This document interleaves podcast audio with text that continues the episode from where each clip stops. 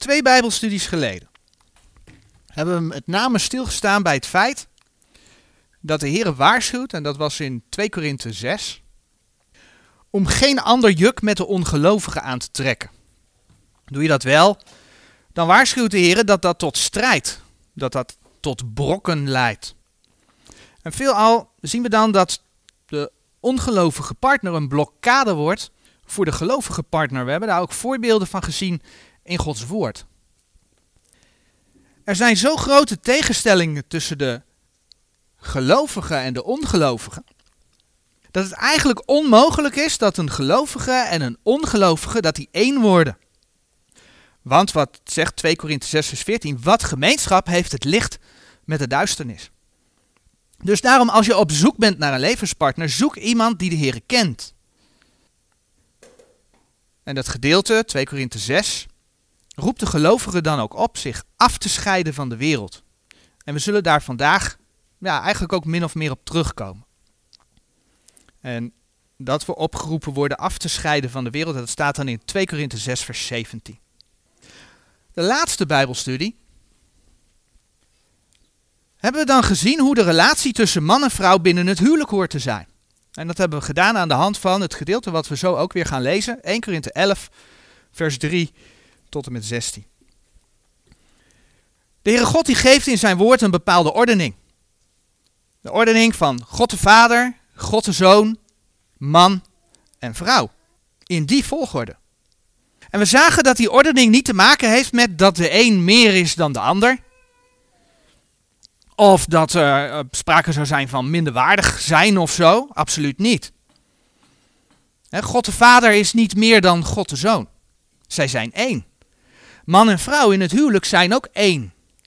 En toch geeft de Heer in zijn woord die ordening. God de Vader, God de Zoon, man en vrouw. De man hoort zijn vrouw lief te hebben. De vrouw hoort haar man onderdanig te zijn. De man hoort zichzelf weg te cijferen om zijn vrouw te kunnen behagen en lief te hebben. De vrouw hoort zichzelf weg te cijferen om haar man onderdanig te kunnen zijn. De man hoort zijn gezin te besturen, hoort zijn gezin voor te gaan in het woord van God. De vrouw is tot hulp van de man. En samen bouwen zij aan het gezin, aan hun huis, aan hun, aan hun gezin. Met de man als verantwoordelijke. Dat is eigenlijk wat de Heere God in zijn woord schetst. En daar hebben we dan de afgelopen keer bij stilgestaan. En we hebben de vraag gesteld: neem je als man die positie ook in? De vraag is: neem je als vrouw die positie ook in? Met als doel om uiteindelijk ook je kinderen ja, in de Heer te kunnen grootbrengen. We zien in de wereld veel pijn en verdriet. We zien wat de gevolgen zijn als ieder voor zich gaat. Want dat is eigenlijk wat je in de wereld ziet gebeuren. Dus de vraag is, durven wij als gelovigen daarin, hè, te midden van een wereld die hele andere keuzes maakt, om niet wereldgelijkvormig te zijn? Durven wij daarin anders te zijn? Durven wij ons af te scheiden van de wereld en onze eigen koers te varen op grond van Gods woord, op grond van de Bijbel? Als je dat doet, dan zegt de Heer, en dan zal Hij je daarin ook zegenen. En de vorige keer hebben we nog niet alles uit dat gedeelte van 1 Korinthe 11, die uh, versen 3 tot en met 16 gelezen. Uh, wel gelezen, maar nog niet besproken. Want in dat gedeelte waarin de Heer die ordening geeft, spreekt hij ook over wel of niet iets op het hoofd hebben. Hij spreekt daarin over lang haar, over kort haar. Hij spreekt daarin over gedekt zijn en ongedekt zijn. Over een deksel. Laten we dat gedeelte in 1 Korinthe 11 dus nogmaals lezen. Vanaf vers 3.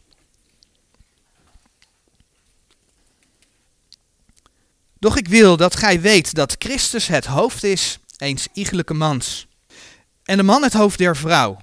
En God het hoofd van Christus. Een iegelijk man die bidt of profiteert, hebbende iets op het hoofd, die onteert zijn eigen hoofd. Maar een iegelijke vrouw die bidt of profiteert met ongedekte hoofden, onteert haar eigen hoofd. Want het is één en hetzelfde alsof haar het haar afgesneden was. Want indien een vrouw niet gedekt is, dat zij ook geschoren worden. Maar indien het lelijk is voor een vrouw geschoren te zijn, of het haar afgesneden te hebben, dat zij zich dekken. Want de man moet het hoofd niet dekken, overmits hij het beeld en de heerlijkheid Gods is. Maar de vrouw is de heerlijkheid des mans. Want de man is uit de vrouw niet, maar de vrouw uit de man. Want ook is de man niet geschapen om de vrouw, maar de vrouw om de man. Daarom moet de vrouw macht op het hoofd hebben, om der engelen wil. Nochtans is nog de man zonder de vrouw, nog de vrouw zonder de man in de Here. Want gelijkerwijs de vrouw uit de man is, alzo is ook de man door de vrouw. Doch alle dingen zijn uit God. Oordeelt gij onder uzelf. Is het betamelijk dat de vrouw ongedekt God bidt? Of leert u ook de natuur zelf niet, dat zo een man lang haar draagt, het hem een oneer is? Maar zo een vrouw lang haar draagt, dat het haar een eer is, omdat het lange haar voor een deksel haar is gegeven. Doch indien iemand schijnt twistgierig te zijn, wij hebben zulke gewoonte niet, noch de gemeente Gods.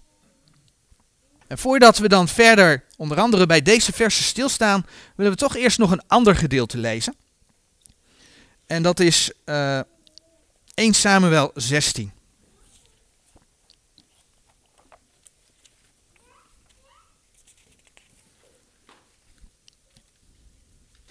Het is het gedeelte waar David tot koning gezalfd wordt. En daar lezen we de eerste zeven versen van.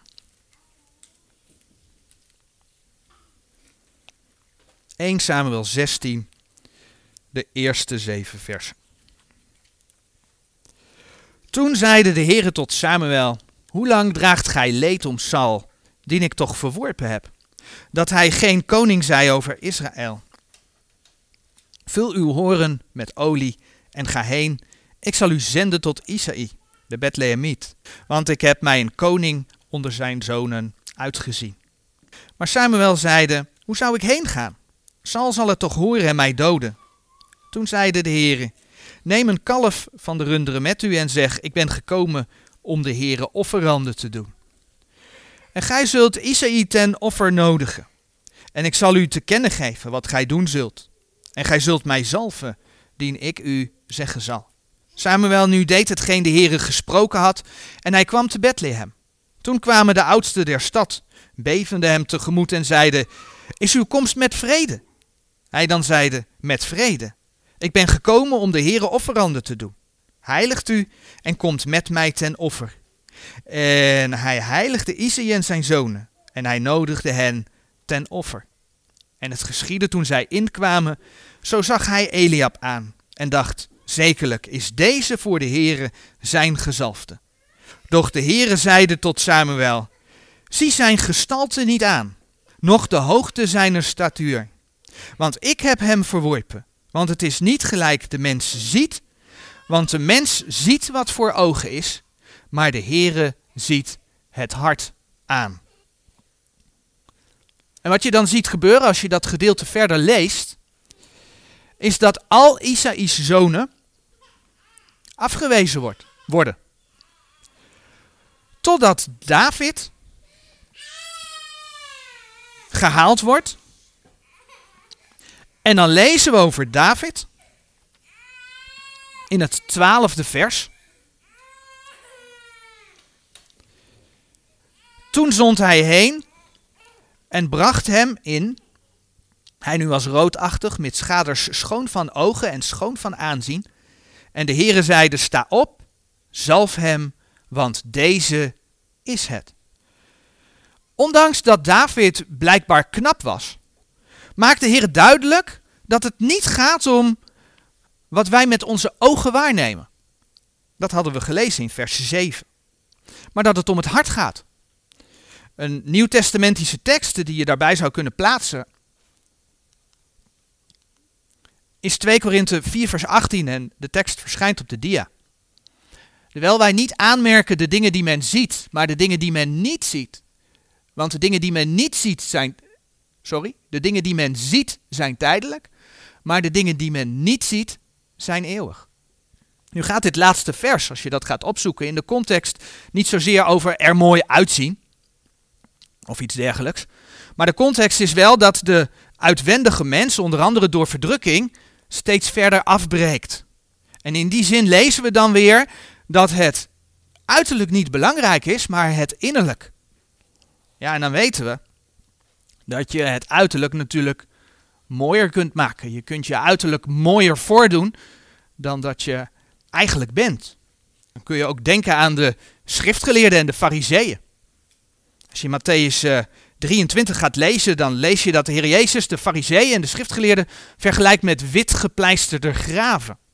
Ze lijken er zo mooi uit te zien in hun kleding. Misschien voor de mensen wel heel uh, indrukwekkend. Maar van binnen zijn ze, Matthäus 23, vers 27, zegt de Heer Jezus, vol doodsbeenderen en alle onreinheid. Zo zegt de Heer Jezus in uh, Jesaja 29, vers 13 tegen het Joodse volk. Dat ze hem wel met de lippen eerden, maar dat hun hart verre van hem was. Dus mensen kunnen zich heel groot voordoen. Mensen kunnen zich ook heel religieus voordoen. Terwijl ze van binnen, ja, in feite dood zijn. Dat ze de Heer niet kennen. Maar andersom kan ook. Dan neem ik de Heer Jezus als voorbeeld. In Jesaja 53, dat is een profetie over de Heer Jezus. De eerste, de, vers 2 en 3. Daar staat dat men zijn gestalte niet zou begeren. De Heer Jezus zou veracht zijn. En toch is Hij de Zoon van God en heeft Hij onze straf gedragen, waardoor mensen zijn vrede kunnen krijgen. Jezaja 53, vers 5. En zo zien we ook vandaag de dag dat mensen vaak vooral naar de buitenkant kijken. Iemand die rijk is, ja, die maakt snel vrienden. We moeten er mooi uitzien. Dat is wat je in de maatschappij meekrijgt. Want dat is dan een zogenaamde garantie om vrienden te krijgen, om ja, hogerop te komen, om sneller een partner te krijgen. En of dat dan de levenspartner is, moet je je dan gaan afvragen. Maar dat is vaak wel waar het om draait onder de mensen. Dat is hoe het in de wereld gaat. En Johannes 2, vers 16, en die tekst staat op de dia spreekt over de begeerlijkheid des vleeses. Spreekt over de begeerlijkheid der ogen. Dat is wat er in de wereld is. Dat is overigens ook een van de ja, zonden waardoor Eva verleid werd. Als je in Genesis 3, vers 6 gaat kijken, dan zie je dat die boom waar ze niet van mochten eten, dat, dat Eva zag dat die een lust was voor de ogen. En daarom zegt 1 Johannes 2, vers 17. En de wereld gaat voorbij en haar begeerlijkheid, maar die de wil van God doet, blijft in der eeuwigheid. De wereld gaat voorbij en haar begeerlijkheid, maar die de wil van God doet, blijft in der eeuwigheid. En we weten, denk ik allemaal wel, dat we het eeuwige leven niet hebben uit werken. De hele bekende versen, Efeze 2, vers 8 tot en met 10, zijn daar heel duidelijk in. Maar wie kan, wie kan er überhaupt de wil van God doen? Dat zijn natuurlijk zijn kinderen, die door het geloof in de Heer Jezus behouden zijn. Als we Romeinen 8, vers 8 opzoeken. Dat lees je trouwens ook in Efeze 2, vers 8 tot en met 10. Hè? Want uit genade zijt gij zalig geworden. Door het geloof dat niet uit u, het is Gods gave, niet uit te werken opdat niemand roemen, want wij zijn zijn maaksel, geschapen in Christus Jezus. Als je wederom geboren bent, dan ben je opnieuw geboren, dan ben je zijn maaksel, dan ben je geschapen in Christus Jezus, om vervolgens goede werken te gaan doen. Dus niet behouden uit goede werken, maar wel behouden en je gaat dan wandelen in de werken die God voorbereid heeft. Romeinen 8, vers 8, dat kan de gelovigen omdat de gelovige wederom geboren is. En dan lees je in Romeinen 8, vers 8. En die in het vlees zijn, kunnen goden niet behagen. Als je de Heer niet hebt aangenomen, als je niet verzegeld bent met de Heilige Geest en dus in de geest bent, en je bent nog in het vlees, het heeft een heel ander onderwerp, ga ik nu niet op in, maar dat heeft ook met de geestelijke besnijdenis te maken, dan kun je God niet behagen. De wereld kan God niet behagen, maar wij wel. Als je de Heer kent, dan kun je God behagen. Oké, we hebben zojuist gelezen dat het niet om het uiterlijk gaat. Als we even doorbladeren naar Romeinen 13, dan wordt dat nog een keer bevestigd. Romeinen 13, vers 14. Het gaat niet om het uiterlijk, maar doet aan de Heer Jezus Christus en verzorgt het vlees niet tot begeerlijkheden. Dus mag je dan zeggen dat de Heere God niet om het uiterlijk geeft?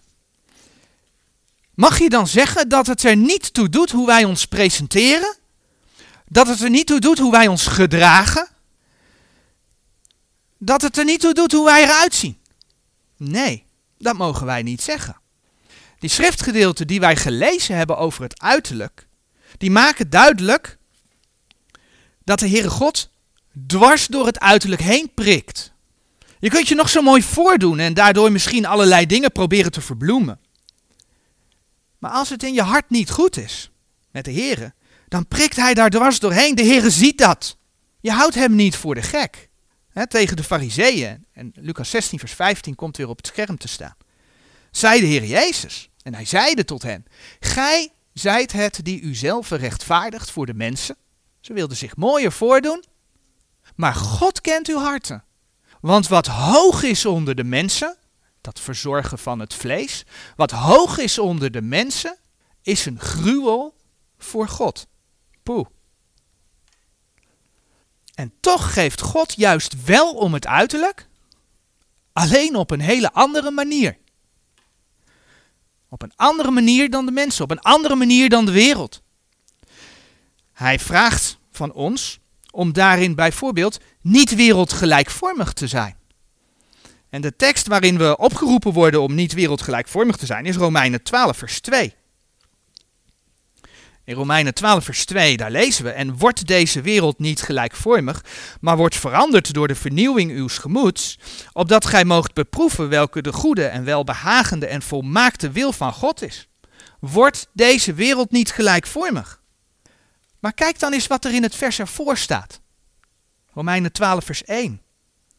Ik bid u dan, broeders, door de ontfermingen Gods, dat gij uw lichamen stelt tot een levende, heilige en gode welbehagelijke offerande, welke is uw redelijke godsdienst.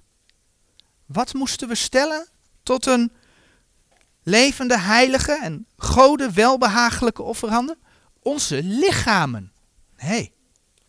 De Heere God geeft er dus wel degelijk om wat wij met ons lichaam doen. Hij vraagt ons om onze lichamen tot een offerande te stellen. Maar een offer, dat kost iets. Is vaak niet makkelijk.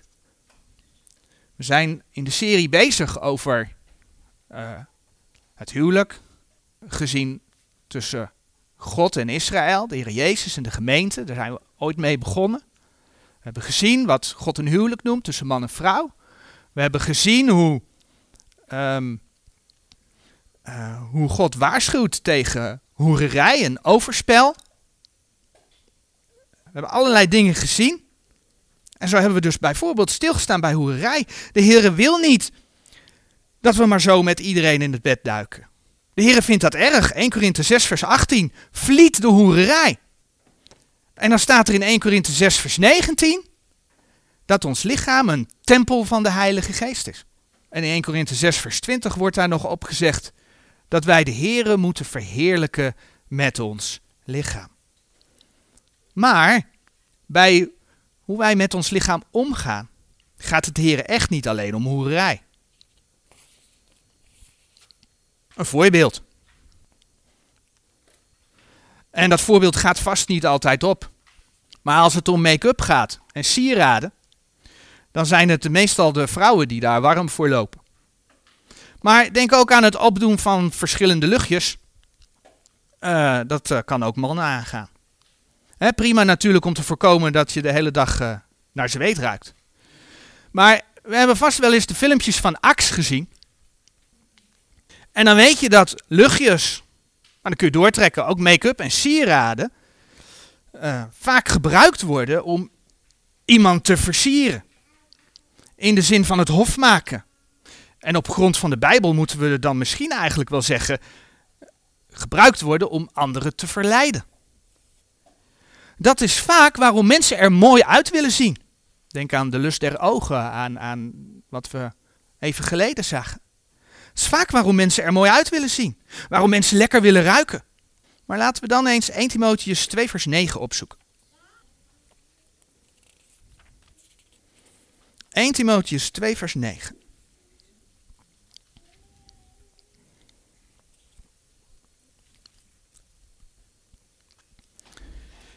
En dan lezen we in dat vers.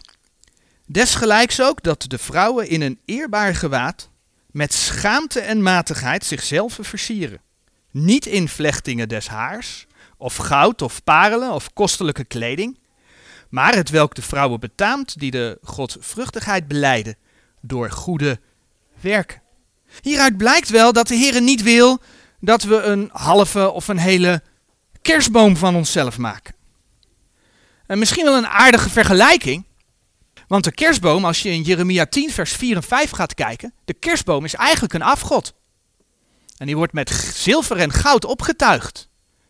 Als wij ons vlees zo verzorgen, dan maken we eigenlijk van ons eigen vlees een, een afgod. Van de ander. Onszelf versieren mag wel, dat hebben we net gelezen, maar met mate. Pas op met in ieder geval te veel zilveren en gouden sieraden, dure kleding. De Heer die wil blijkbaar eenvoud. En als we dan even doorbladeren naar 1 Petrus, dan geeft de Heer aan wat eigenlijk het versiersel van de vrouw moet zijn. 1 Petrus 3. 1 Petrus 3, vers 3 en 4. Komt-ie. Welke versiersel zij niet hetgeen uiterlijk is, bestaande in het vlechten des haars en omhangen van goud of van klederen aan te trekken, maar de verborgen mens des harten, in het onverderfelijk versiersel van een zachtmoedige en stille geest die kostelijk is voor God. Dus het versiersel is de verborgen mens des harten. In het onverderfelijk versiersel van een zachtmoedige en stille geest die kostelijk is voor God. Eigenlijk lees je daarin dat de Heer vraagt dat de zachtmoedige en stille geest tot uitdrukking komt in het uiterlijk. Dus iets wat in je zit, dat komt ook uit je. Een ander voorbeeld. Het is tegenwoordig heel modern om een tatoeage te laten zetten. Tot voor een tijd terug wilden de meeste mensen daar nog niet van weten. Ondertussen al wel weer een behoorlijke tijd terug, maar, maar tegenwoordig lijkt het soms of je bijna een uitzondering bent geworden als je geen tatoeage hebt. En ja, er zijn ook steeds meer christenen, of misschien mensen die in elk geval zeggen dat ze christen zijn, die ook een tatoeage dragen. En we gaan er in deze studie niet al te diep op in, maar ik wil het in ieder geval als voorbeeld noemen. Maar beseffen we dat het tatoeëren en het daarbij gepaardgaande bloedverlies zijn oorsprong vindt in de Baalsaanbidding, oftewel de aanbidding van de duivel. En het is dan ook niet voor niets dat we in Gods woord lezen, Leviticus 19, vers 28. Gij zult om een dood lichaam geen snijding in uw vlees maken, nog schrift van een ingedrukt teken in u maken. Ik ben de Heere. En dan kun je nog kijken naar 1 Koningen 18, waar je ziet wat de Baalspriesters uitvoeren. Hoe ze insnijdingen in hun lichaam maken. Maar we leven toch niet meer onder het Oude Testament? De vraag die je daarbij moet stellen is, denk ik, zou een heilige God van gedachten veranderd zijn en het nu wel goed vinden dat mensen een schrift van een ingedrukt teken in hun lichaam maken. Die God die wel degelijk in de brieven aan de gemeente vraagt om niet wereldgelijkvormig te zijn en onze lichamen te stellen tot een gode, welbehagelijke offerhanden. Ja, maar ik heb een tattoo met de tekst, en ik heb ze op Google voorbij zien komen, Jezus red. Dan moet je je afvragen, of de Heere geëerd is met het gebruiken, met gebruiken die uit de afgodenverering van de oude heidenen komen. Ik bedoel, en dan kom ik terug op 2 Korinthe 6. Wat samenstelling heeft, stemming heeft Christus met Belial? En dan voer ik hem door. Wat te denken van die plakplaatjes. Dan bedoel ik niet een, een stickertje met, uh, met, een, met een leuk diertje erop, die de kinderen op school wel eens krijgen. Maar van die plakplaatjes, van die neptatoeages. Kindertatoeages. Speciaal voor kinderen. Waarvan het de bedoeling is dat je dat dan nat maakt en dat je dat dan op de huid kunt drukken en dat het net is alsof je een tatoeage draagt. Laat je je kind met zo'n nep-tattoo rondlopen. Het mag dan geen echte tatoeage zijn. Maar je laat het kind wel wennen aan het feit dat het normaal is om zo'n ja, zo'n tattoo op je huid te hebben. En als we dan denken aan wat de Heer in 1 Thessalonicense 5 vers 22 zegt. 1 Thessalonicense 5 vers 22.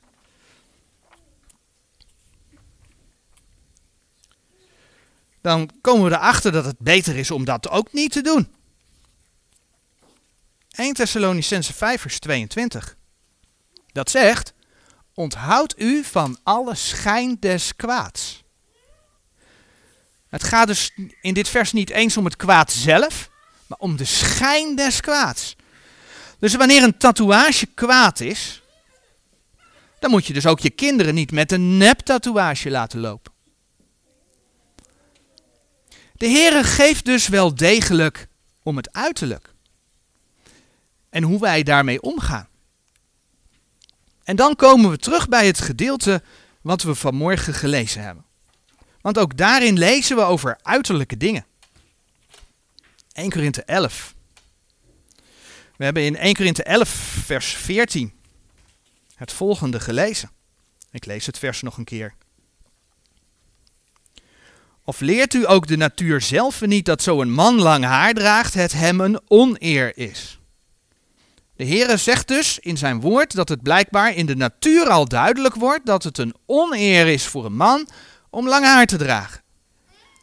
En dan komt hij dat wat voor een man een oneer is, is voor de vrouw juist een eer. Kijk maar in 1 Korinthe 11 vers 15. Nee, voor de vrouw is het juist een oneer om haar haren afgesneden te hebben. Kijk maar in 1 Korinthe 11 vers 6. Want indien een vrouw niet gedekt is, dat zij ook geschoren worden. Maar indien het lelijk is voor een vrouw geschoren te zijn of het haar afgesneden te hebben, dat zij zich dekken. En ik wil een kleine quiz doen. Ik laat een paar foto's zien.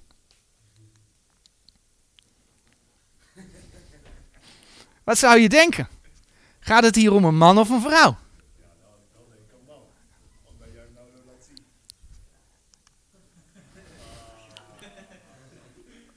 Gemeen, hè? Dit is een vrouw. Volgende. Gaat het hier om een man of een vrouw? Dat hebben jullie mooi goed. En nog eentje. Gaat het hier om een man of een vrouw? Het gaat om een vrouw. De meeste mensen denken als ze iemand met lang haar zien, dat het om een vrouw gaat. De meeste mensen denken, als ze iemand met kort haar of een geschoren hoofd zien, dat het om een man gaat. Dat is hoe wij dat nog steeds natuurlijk aanvoelen. En ik zeg expres nog steeds. Want we zien in de wereld natuurlijk vaak anders om ons heen. Waardoor we die andere situatie misschien wel normaal gaan vinden. Want ja, zo werkt dat in ons mens. Maar de Heer zegt dat de mens van nature weet, van nature weet, dat kort haar voor een man is en lang haar voor een vrouw. En ook al kun je dat misschien niet aan de hand van de geschiedenis aantonen, omdat mannen in de geschiedenis ook wel lang haar gedragen hebben. En als je denkt aan uh, de belangrijke personen uit de geschiedenis, zo'n mooie, zo'n mooie pruik, weet je wel, met van die krullen en zo erin. Maar Gods woord laat zien dat de mens het van nature kan weten. En ja, er worden ook wel eens onderzoeken naar gedaan. Kom je op internet van zo'n uh, datingcoach. Uh, die heeft dan ook een site. En die komt ook tot de conclusie dat het vandaag de dag nog steeds een feit is dat de man toch het liefst een vrouw zoekt met lang haar. Ik citeer van die site, één zinnetje maar. Niet alleen willen mannen een vrouw die zich vrouwelijk gedraagt, maar ook een vrouw die er vrouwelijk uitziet. En als je dan verder leest in dat artikel, dan wordt daar onder andere uh, het lange haar bij genoemd. Nu lezen we in 1 Korinthe 11 vers 4. Een iegelijk man die bidt of profiteert, hebbende iets op het hoofd, die onteert zijn eigen hoofd. Als je dat zo leest, dan zou je denken dat een man geen hoed, geen pet op mag hebben of iets dergelijks als hij bidt. En we kennen daar uit de tijd dat mannen vaker een pet droegen, ook de uitspraak wel van, hè, achter de pet te kieken. Dan, als ze dan gingen bidden voor het eten, dan ging de pet af, gingen ze achter de pet te kieken. Nou, en aangezien dat er zo staat, ik zou een pet op hebben, zou ik die pet ook afdoen. Maar ik geloof dat het verder gaat. Voor de vrouw staat er geschreven, 1 Korinthe 11 vers 5, maar een iegelijke vrouw die bidt of profiteert met ongedekte hoofden, onteert haar eigen hoofd. Want het is één en hetzelfde alsof haar het haar afgesneden was. Hieruit zou je ook voor de vrouw kunnen opmaken dat zij een hoed of een sluier of iets dergelijks op moet doen. Maar laten we verder lezen in 1 Korinthe 11 vers 6. Want indien een vrouw niet gedekt is, dat zij ook geschoren worden. Maar indien het lelijk is voor een vrouw geschoren te zijn, of het haar afgesneden te hebben, dat zij zich dekken. Betekent dit nog steeds dat zij dan een hoed op gaat zetten? Wat doe je als het lelijk is voor een vrouw om geschoren te zijn of het haar afgesneden te hebben? Dan laat je toch je haar groeien? Dus het lange haar is blijkbaar haar bedekking. Dat blijkt eigenlijk al uit deze verse. Want indien een vrouw niet gedekt is, dat zij ook geschoren worden, maar indien het lelijk is voor een vrouw geschoren te zijn of het haar afgesneden hebben, dat zij lang haar dragen. Dat zij het haar laten groeien. Kijk eens wat er in 1 Korinthe 11 vers 15 staat. Maar zo'n vrouw lang haar draagt, dat het haar een eer is, omdat het lange haar voor een deksel haar is gegeven. Het lange haar is dus het deksel. Het lange haar is de bedekking. Maar dan staat dat er dus eigenlijk ook voor de man. In 1 Korinthe 11 vers 4. Het gaat niet eens zozeer om een hoed of een pet. Het gaat erom dat een man geen lang haar hoort te dragen. Je onteert je eigen hoofd ten opzichte van de Heere God als je als man lang haar hebt. En voor de vrouw is dat dus precies andersom. Je onteert je eigen hoofd als vrouw ten opzichte van de Heere God als je je haar afgesneden of geschoren hebt. Dus wil je God eren met je lichaam, dat was die tekst uit Romeinen, uh, Romeinen 12 vers 1, wil je God eren met je lichaam, om gehoor te geven aan zijn woord, dan wil je dus als man geen lang haar, maar als vrouw wil je dan juist wel lang haar. En hoe triest is het dan als je ziet dat sommigen als christen in de, in de muziekwereld bijvoorbeeld, dat staat natuurlijk heel nadrukkelijk aanwezig, dat allemaal omdraaien. Vroeger, in mijn jeugd, keek ik nog wel eens naar EO ronduit Praise. Maar daar was het al heel gewoon dat mannen met lang haar op het podium God stonden te aanbidden. Maar hoe kun je God eren op zo'n manier? Want in Gods ogen staan ze daar dan als een oneer. Maar ik wil een stapje verder gaan.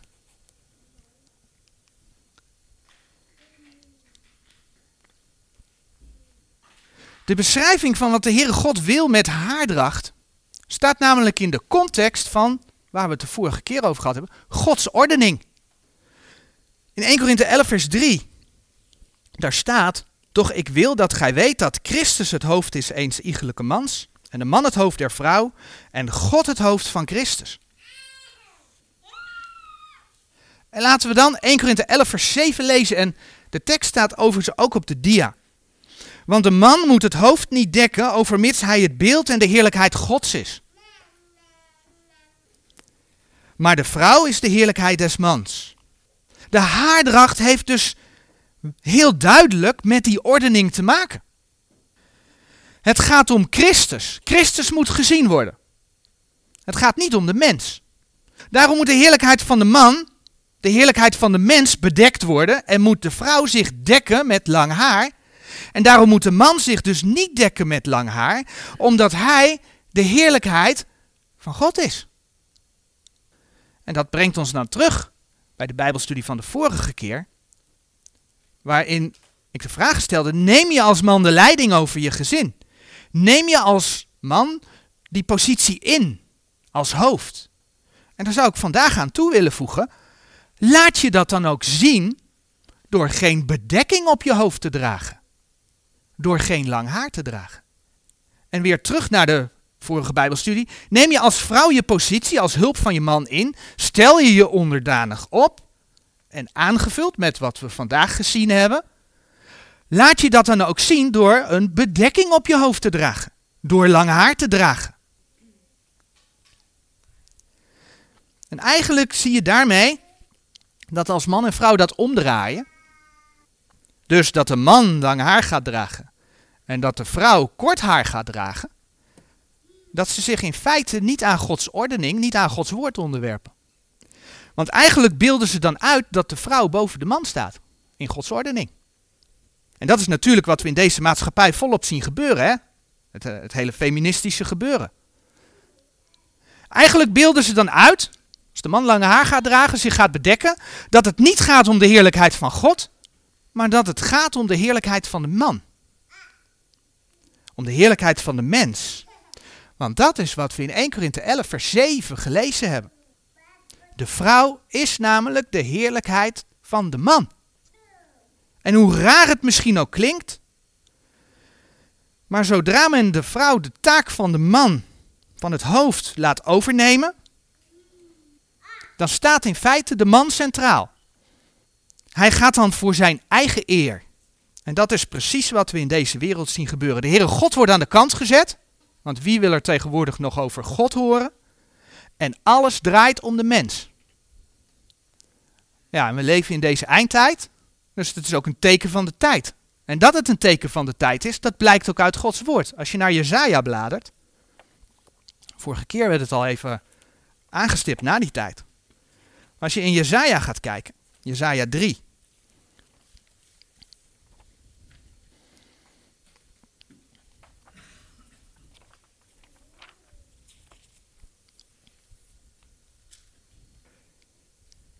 Dan zie je dat de Heer het voorzegd heeft. Het gaat eigenlijk over de wereld, over Israël in de laatste dagen. En hoe er dan geregeerd wordt. En dan lees je in Jesaja 3, vers 13 tot en met 15. Dat de Heer komt om te richten. Nou, als de Heer komt om te richten, om de volken te richten, dan is dat niet met het oordeel van de grote witte troon. Dat is na het duizendjarige vrederijk. Maar aan het begin van het duizendjarige vrederijk komt de Heer, hij zal zitten op de troon van zijn heerlijkheid, hij zal de volken oordelen. Dat is het moment dat Israël tot geloof gaat komen. En dan lezen we in Jesaja 3 vers 12, de drijvers mijns volks zijn kinderen en vrouwen heersen over hetzelfde. O mijn volk die u leiden, verleiden u en de weg uw paden slokken zij in.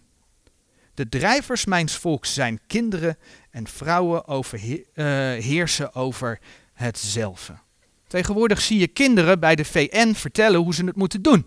Dat zie je in dit, deze tekst. En deze tekst gaat weliswaar over Israël, maar je ziet dit wereldwijd gebeuren is een teken van de tijd. En daarom zegt Gods woord, 2 Korinthe 6, vers 17, gaat uit het midden van hen en scheidt u af, zegt de Heer. Onze opdracht is om de Heer te volgen en niet de wereld. En dan is er nog één ding in het kader van 1 Korinthe 11 waar ik op wil wijzen. En dat is 1 Korinthe 11, vers 10. En in 1 Korinthe 11 vers 10 daar staat, daarom moet de vrouw een macht op het hoofd hebben om der engelen wil. Om der engelen wil. Vanwege de engelen. Dat vers komt in aansluiting op 1 Korinthe 11 vers 8 en 9, waarin de Heer de scheppingsvolgorde geeft. Maar die verwijzing gaat verder, want er is sprake van de engelen. Een macht op het hoofd vanwege de engelen. Wat is er in het paradijs gebeurd? De Heer maakt duidelijk dat het niet Adam was die verleid is geworden. De Heer zegt heel duidelijk in 1 Timotheus 2 vers 14, en Adam is niet verleid geworden. Maar de vrouw verleid zijnde is in overtreding geweest. Zij is gevallen voor de verleiding van de slang, voor de verleiding van de duivel, Genesis 3. En nu is die duivel is zelf geen engel. Ezekiel 28, vers 14 tot en met 17 Gaan we allemaal niet opzoeken nu, maar laat zien dat die duivel een gevallen gerub is. een gerub is geen engel. Maar die duivel heeft wel een leger van gevallen engelen. He, Matthäus 25, vers 41 spreekt over de duivel en zijn engelen. Een duivel en engelen die in opstand zijn tegen God. Want wat was de oorspronkelijke zonde van die duivel? Dat was dat hij zich wilde verheffen. Hij wilde God gelijk worden. Jezaja 12, uh, 14, vers 13 en 14. En daarom heeft God hem uit de hemel gestoten. Wat zie je in Genesis 6 gebeuren? Dat Gods zonen contact hebben met de dochters der mensen. Gods zonen slaat op geschapen door God. Gaat daar over engelen. Dat gaat over gevallen engelen die zich met de mensen uh, vermengen. Waardoor God de zondvloed stuurt. Maar blijkbaar hebben gevallen engelen een oogje op de dochters der mensen. En dan lees je in 1 Korinthe 11 vers 10 dat het lange haar een macht is omwille van, vanwege de engelen. We zagen dat het afknippen van het haar bij de vrouw in feite een niet accepteren is van Gods ordening. Net zo goed als het is, als de man lang haar gaat dragen, is ook niet te accepteren van Gods ordening, maar het gaat nu om de vrouw. Want de vrouw moet een macht op het hoofd hebben vanwege de engelen. Dus het is een niet accepteren van Gods ordening. Dat het eigenlijk het innemen van de positie van de man uitbeeldt. Daarmee laat de vrouw in feite zien dat zij opstandig is ten opzichte van God. Net als die engelen. En daarom heeft zij blijkbaar, en veel meer kan ik er niet over zeggen, want meer zegt de Bijbel er niet over. Maar daarom heeft zij blijkbaar een soort van bescherming nodig door te laten zien dat zij wel haar positie als, als vrouw inneemt en daarmee gehoorzaam is aan de Heere God. En betekent dit nu, nu we dat weten, of misschien dat al wel wisten, dat we daar dan een strijd over moeten beginnen? Dat we andere mensen moeten overtuigen Misschien wel kosten wat kost om als man geen lang haar en als vrouw uh, uh, lang haar te gaan dragen. Man geen lang haar, vrouw wel lang haar te dragen. Nee, absoluut niet. Ons behoud ligt niet, nogmaals, Efeze 2, vers 8 tot en met 10, in onze werken. De Heer Jezus aannemen als je persoonlijke verlosser, erkennen dat Hij voor je zonde gestorven is, is verreweg het allerbelangrijkste. Maar ja, de Heere God laat wel zien dat hij van zijn kinderen vraagt om hun lichamen te geven tot een levende, heilige en gode welbehagelijke. Om niet wereldgelijkvormig te zijn, te worden. En daar hebben we vanmorgen dan een stukje van gezien. Ja, en het staat er, zo is het. Het staat geschreven, daar kan ik niet omheen. Maar als een ander dat niet ziet, of niet wil zien, kijk wat er dan geschreven staat in 1 Korinthe 11 vers 16. Doch indien iemand schijnt twistgierig te zijn, wij hebben zulke gewoonten niet, nog de gemeente Gods. Een ieder moet voor zichzelf bepalen of hij zij daarin mee wil of niet. Maar zegt iemand, ik heb dit nooit geweten. En misschien is er iemand die luistert en die zegt, ik heb kort haar. Maar ik heb dat nooit bewust gedaan om tegen de Heer in opstand te zijn. Ik wist dat gewoon niet. Dat kan. Dit verhaal wordt over het algemeen ook niet gebracht. Meestal wordt er dan gezegd, ach ja, de cultuur van toen. cultuur. Maar nee, het heeft niets met cultuur te maken. Het heeft met Gods ordening te maken. En of wij, zowel man als vrouw, Gods ordening accepteren. Maar geen nood. Als wij dingen uit Gods woord gaan zien, geldt op, op alle vlakken geldt dat. Als wij dingen uit Gods woord gaan zien en zien dat we voorheen fout zaten, dan kunnen we vergeving vragen. Hoe mooi die tekst in 1 Johannes 1 vers 9. Indien wij onze zonde beleiden, hij is getrouw en rechtvaardig. Dat hij ons de zonde vergeven en ons reinigen van alle, van alle ongerechtigheid. We mogen ten alle tijden onze zonde beleiden. En wat is het niet mooi? Dat we zo mogen zien dat we zelfs met onze lichamen, in de relaties die we hebben, onze Heren mogen eren. Afscheiden van de wereld, onze Heren mogen eren. Tot eer van zijn naam te leven. Tot zover. Amen.